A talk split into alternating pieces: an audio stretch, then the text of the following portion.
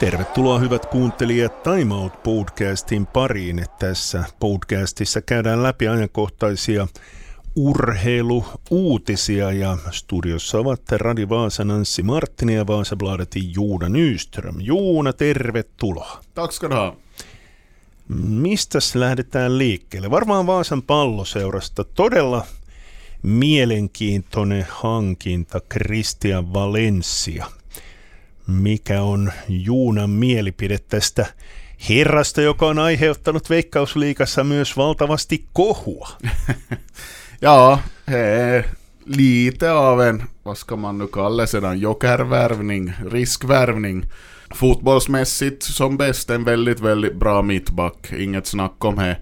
Stark, aggressiv, kvick i rörelserna och, och har en massa bra egenskaper. Men sen en väldigt, väldigt stor humörspelare har han varit här i de här tre åren som han har spelat i Finland, SJK, AC Oulu. Att sånt kan påverka inte bara enskilda spelaren själv utan hela laget så att det kanske är lite frågan för VPS nu då att får man Får man in lite is i hatten åt den här Valencia så lyckas man med det så kommer han till vara en enorm förstärkning tror jag. Mm, joo, tosiaan hän on kyllä pelitaidoiltaan erittäin hyvä ja on kyllä todellinen vahvistus Vaasan palloseraan, mutta kun me puhuttiin näistä kohuista, niin sehän oli tämä kohu, kun hän pelasi SJKssa ja hän muistaakseni tempasko hän nyrkillä mahaan HJK pelaaja ja sitten olikin pelit pelattu.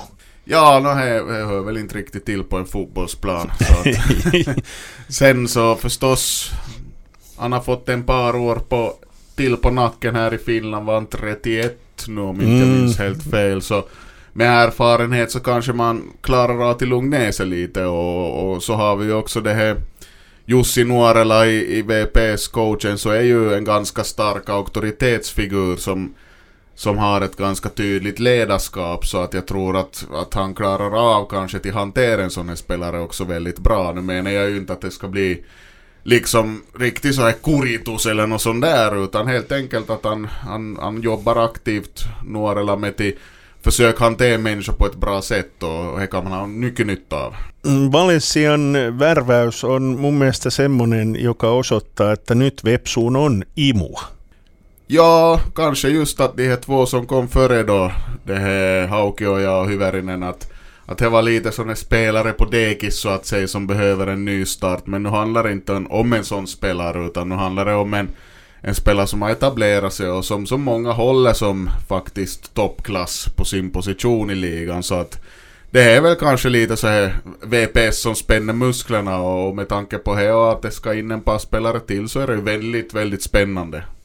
Me olemme paljon puhuneet siitä, että Tyler Reed on mahdollisesti lähdössä Vaasan palloseurasta ja nyt Yle Sport oli tehnyt juttua, jossa Vepsusta Timo Harri – oli tainnut sanoakin sen, että sopimusta ei Riidin kanssa ole ja näyttäisi siltä, että Riid on lähdössä. Onko ja. mitään tietoa mihinkään? Nej, jag har inte hört någonting alls inte. Och man tycker ju att om det skulle vara en, en flytt inom, inom Finland att det skulle nog sippra ut nu redan. Så att det är väldigt intressant att se var han hamnar han har ändå spelat så pass bra så att det skulle kunna finnas intresse även i, även i andra länder och även i, i starkare fotbollsländer tycker jag. Och ja, vi har fått samma signaler och vår rapportering också handlar om att, att det lär inte bli något kontrakt där. För att med tanke på vilken stark profil han har varit i VPS så skulle de ha haft ett kontrakt på bordet och kommit överens så skulle de väl nog ha meddelat ungefär direkt då säsongen tog slut tycker man. Puhutaan vielä hieman noista siirroista, sillä FC Hongan tyhjennys on alkanut. Vesa Vasarahan siirtyi valmentajaksi Interiin ja SIK on mennyt muutamia lupaavia nuoria pelaajia, Dario Naamo ja Lauri Laine muun muassa. Mielenkiintoista nähdä sitten, että mihinkä Hongan pelaajat sitten siirtyvät. Siellähän on varmaan sellaisiakin pelaajia, joilla on siteet aika vahvasti pääkaupunkiseutu, eikä niin vaan lähdetäkään ihan muualle. Mielenkiintoinen siirto, ainakin näin vaasalaisittain, oli Jerry Voutilaisen siirtyminen kupsi. Ja, han flyttade hemåt han då, han är ju därifrån ursprungligen. Och en av många kuppspelare som har kommit via VPS och sen etablerat sig i ligan. Det har varit en fungerande väg att gå så att det var ju väldigt tråkigt och, och en stor, stor orsak till att Honka inte var högre upp i tabellen i år var ju att Jerry Voutilainen skadade sig tidigt på säsongen. Skulle han ha varit med så tror jag att de skulle ha varit kanske ett par hack längre upp och kanske väldigt, väldigt på allvar och utmanat till exempel VPS som bronsplatsen. Så att vi får se. Nu, han har ju haft sina problem, han gick ju ut här, här om året också med att han har haft, haft stora problem med spelmissbruk och, och med tanke på vilken fin spelare han är då han är som bäst, han visar ju också i VPS i tiderna hur bra han kan vara på mittfältet så hoppas man ju bara allt gott åt Voutilainen. Sitten huuhkajia. Nyt sitten tuli ne arvonnan tulokset, eli Wales ja Puola pitäisi kaataa, että päästäisiin kisoihin. Ei mikään helppo urakka. No det var ju tuffast möjliga lottningen du kunde få i, till det här playoffet. Två väldigt starka fotbollsnationer. Jag kollade där att Wales är till och med högre upp än Polen på Fifas världsrankning och, och senast Finland spelade mot Wales i, i Nations League så blev det ju två förluster och nu förstås så har ju inte Wales någon med Gareth Bale till den här stora fickstjärnan så men nu blir det tufft nu. Det skulle ju vara jätte, jätteroligt om de skulle klara den här första matchen då mot Wales borta. För då skulle vi få en, en playoff-final på Olympiastadion då, förmodligen mot Polen. Som lottades mot Estland då istället som mm, kommer från den allra lägsta Nations League-gruppen. Joo, mä vaan tuossa sanoin Puolan suoraan, vaikka Virohan voi vaikka voittaa vielä Puolan, Nää. mutta se, ja, sä et usko siihen, mutta olihan meillä aika tiukkaa San Marinokin vastaan Suomella. Joo, men jag vet inte, i, i det här sammanhanget då, då gäller faktiskt att vinna med tanke på vilka spelare av internationell klass som Polen har i sitt landslag, så nej, jag ger inte Estland det minsta till chans där. No mitä mieltä sä oot siitä, että on nämä tosiaan A-lohko, B-lohko, C-lohko, että sieltä voi esimerkiksi Luxemburg mennä vielä kisoihin? Eller kan de? niin. No joo, alltså teoretiskt joo. Mm. No Kreikkahan ehkä on siellä C-lohkossa joo, se. Joo, no hej, hej, förstås att det beror ju lite på på det här sidningen då hur du har klarat dig i Nations League och, och då är det ju precis som det ska vara att det ska ju finnas en morot i Nations League till varför du överhuvudtaget ska bry dig om de där matcherna. Mm. Och här kommer han ju nu.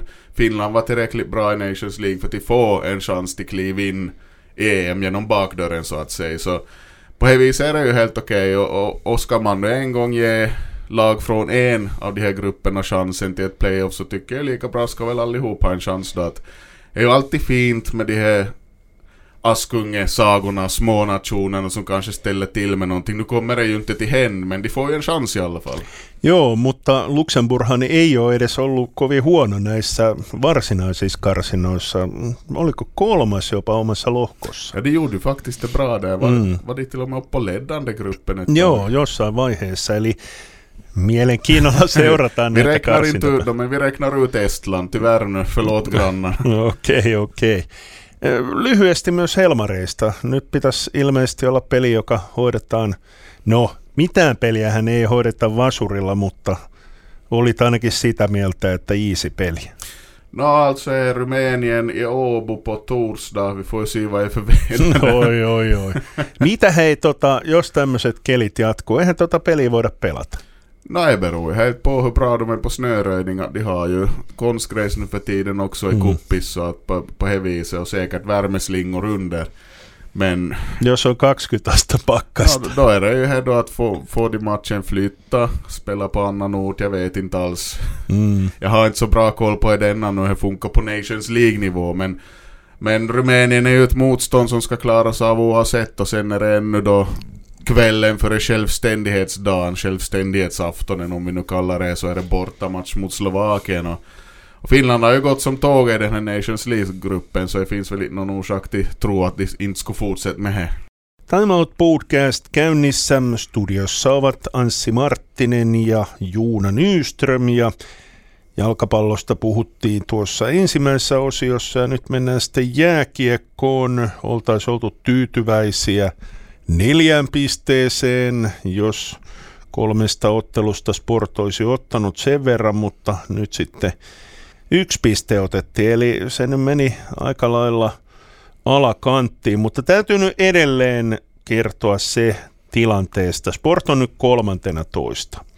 30 pistettä, mutta viidentenä oleva Jyp 37 pistettä. Eli viikossa voi kaikki jälleen muuttua. Ja, det är ju blivit lite av en dyster tradition det här att sport ska ha så enormt svårt i november månad alltid. Och, och samma sak i år nu då, den här säsongen. Nu är det sju förluster på åtta matcher i november. Det är ju ett uselt saldo. Det är ju en otrolig räddning för sport att, att det är så jämnt det här mittenskiktet om man kallar det för i FM-ligan. Att de på inget vis är avhängd i det här skedet fast de har tröskat riktigt ordentligt, kört fast riktigt ordentligt. Så att, äh, ja. Den här veckan så blir det tre matcher igen då förstås och, och bor, Lukko borta nu först på onsdag. Lukko är kanske inte riktigt i toppform så det finns lite slagläge. Sen är det ju fredagens match det är riktigt, riktigt måste seger. Mm, då kommer Pakko Jumbo. Saipa till Vasa, då måste man vinna.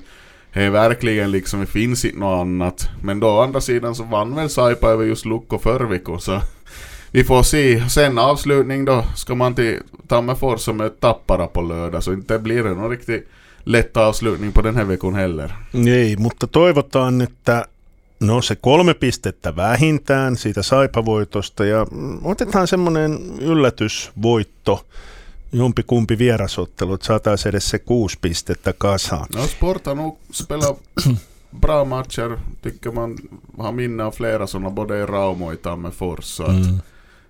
det här inte ska, vara- inte ska vara omöjligt att plocka poäng där. Sen så har inte meddelats någon om skadeläge i början av veckan som de brukar göra, så man vet ju inte riktigt hur det ser ut, vem är, vem är frisk och sådär. Det var ju, de här två Toto-killarna var ju med förra veckan och, och spelade två matcher. Så att eh, vi får se med här förstås. Mm, kun otit Tuton tuossa esille, niin Tuto ei nyt sitten liigalisenssiä saa. Se nyt ei varmaan yllätä. Nå, enligt vad jag hört så, så var kanske inte det allra mest hundraprocentigt seriösa ansökningen att Toto vill väl vara med lite och lägga sin sked i soppon där och, och liksom skapa lite ringa på vattnet. Det är förstås publicitetsgrejer denna och, och Toto till, till visa upp sig på det viset. Så ganska smart på det viset men inte var det väl någon riktigt som förväntade sig att det skulle bli någonting av det och, och Men som sagt, lite av ett sånt här kul PR-trick kanske man får se som. Antti Pennanen kertoi myöskin valmennusryhmästään. Siinä tapahtui aika paljon muutoksia, mutta Mikko Manner pysyy. Sehän on hieno asia. Ja, vi har väl nog pratat om det förr också att han är en väldigt omtyckt figur i landslaget och, och hans förmåga till hantera människor och liksom fungera som en så här motiverande faktor så är väl det som de uppskattar storligen vilket också gör att han, han får fortsätta. Mennään sitten Rukan hiihdon maailmankap-avaukseen. Jos suomalaisittain ajatellaan, niin ei siellä nyt oikeastaan ollut kuin Iivo Niskanen. No sprinten skulle jag nog lyft fram. No joo, joo. Att Jasmi Joensuu Mm. tog sig ända till final. Sen så hade hon inte riktigt någon chans där. Och, och jag tror att Joni Mäki skulle också ha varit i final men han lite dallade bort sig i semifinalen. Lite taktisk miss där i, i den här positioneringen i spåret inför det här slutet, den här stigningen som är, Ruka är känd för. Så att eh, gott och väl, jag tycker han såg ut vara i så pass bra form att vi skulle ha kunnat haft två finländska Mm. finalplatser. Ja Lauri Vuorinen oli seitsemäskö hän sitten oli loppujen lopuksi tuloksissa. Väl sprintissä. ja. Erittäin hyvä on se, että Iivo Niskanen kun jäi toiseksi, niin hän oli todella, todella, todella pettynyt tuohon sijoitukseen. Sitten pikkusen jäi tosiaan pohdituttaan Pärmäkosken ja Kerttu Niskasen hiihdot. Ne oli kyllä aika lailla alle arvostelu, jos ajatellaan heidän omaa tasoaan. Ja, Kerttu Niskanen har ju ändå hon har om här nu inför och under världscupen är hur dålig formen är och att hon inte kommer någon vart. Så att vi får ju se nu då med någon sorts taktikering det här att de försöker toppformen till Tour de Ski som är ju den här säsongens höjdpunkt. Att de mitt i allt då där är i fullt slag. Så det är ju många som jag tror försöker på det här samma förstås i och med att det inte är något mästerskap den här säsongen. Nu, nu ska ju köras i Gällivare i helgen och det är massor med åkare som inte tänker ens fara dit. Utan de fokuserar på till träning istället så att... Men det är nog inte det är ju som lovande på det viset att det- de är sådär långt efter. Joo, vielä nostetaan Remi Lindholm, koska olin jo häntä perinteisen kisan jälkeen vetämässä kölin alta ja ajattelin, että oi oi, mihin on kadonnut Remi Lindholm, mutta vapaalla sitten oikein mukava hiihto. Ja han är ju lite avvikande i finländsk skidsport på det att han är ju bättre på, på att köra fristil än klassisk mm. stil och det behövs väl sådana åkare. Och han hade väl sagt där just att det gick, det gick överraskande lätt ganska länge det fristilsloppet på söndag men att sen då det började bli fart på slutet då de stora kanonerna började trycka på gasen så då blev det ganska utmanande. Men bra, bra formbesked och, Remi Lindholm hör till de åkarna som faktiskt tänker köra i helgen och i Gällivare. Jasmi Joensuu, hänkin on ollut jo jonkun aikaa Framilla. Tuossa pohdin sitä, että kovin paljon tämmöisiä uusia nimiä Suomi ei, ei miesten eikä naisten puolella ole saanut ainakaan sinne kovin korkealle. Vilma Ryyttyä kehuttiin kovasti. Hänen sijoitus oli 27, 28. Muua Iilar, joka tuli mulle aivan puun takaa, voitti kisan. Mm. Eli kyllä mun mielestä nyt pitäisi jollain lailla tämmöistä vähän realismia olla myös näissä kehuissa, että, että, että to, toki hieno homma, että pääsi ensi kertaa maailmankapin pisteille, mutta ollaan kyllä vielä aika kaukana. Ja, det är märkligt det är de svenska damerna har den förmågan att de nästan varje år plockar de fram någon ny förmåga. Jag vet inte om det är någon Gunde Svans där specialhavregrynsgröt som de har där i landslag eller vad det är. Så men nog där på det viset så ligger vi ju långt efter om man tänker på att svenskorna har ju väldigt bra bredd också. De har flera åkare som utmanar både på distans och i sprint. Medan vi har, vi har ganska få och just på damsidan så finns inte riktigt något på kommand på herrsidan så såg vi kanske Emil Liekari i sprinten lite blixa till. Vi har en sån som Miro Karpanen som har fått mycket, mycket beröm men som nu inte riktigt på internationell nivå ännu är där. Så att nog jämförelsevis så ligger vi nog långt, långt efter för tillfället. Mm. Sitten meillä loppuun Tenniksen Davis Cup ja Suomi selviytyi neljän joukkoon. Onko Suomen Davis Cup-joukkue nyt sitten vuoden joukkue vai miten sä arvostasit tämän Davis Cupin? Sehän ei ole samalla lailla enää niin korkeassa huudossa kuin esimerkiksi joskus 80-luvulla. Mutta siihen onkin aikaa. ja, nej, nu, nu ligger ju någonting i att det är ju inte riktigt samma konkurrens, men nu är det, om man tänker på tennis som en global sport och antalet utövare och så vidare, så är det en enorm prestation och, och frågan är ju nu sen då det ska röstas fram då vilket som är årets lag, så vem, vem konkurrerar de med? Kanske mm. inte riktigt finns så mycket konkurrens där egentligen. Ja, fin, fin, fin prestation. Att jag, jag tror nog inte att det skulle gå så där långt, jag inte får jag ju erkänna. Joo, ja täytyy sanoa se, että ö, mielenkiintoista oli seurata näitä otteluita, joissa saattoi olla tyyliin Otto Virtanen, joka oli satasia alempana kuin vastusta ja silti piti tiukoilla ja voittikin otteluita.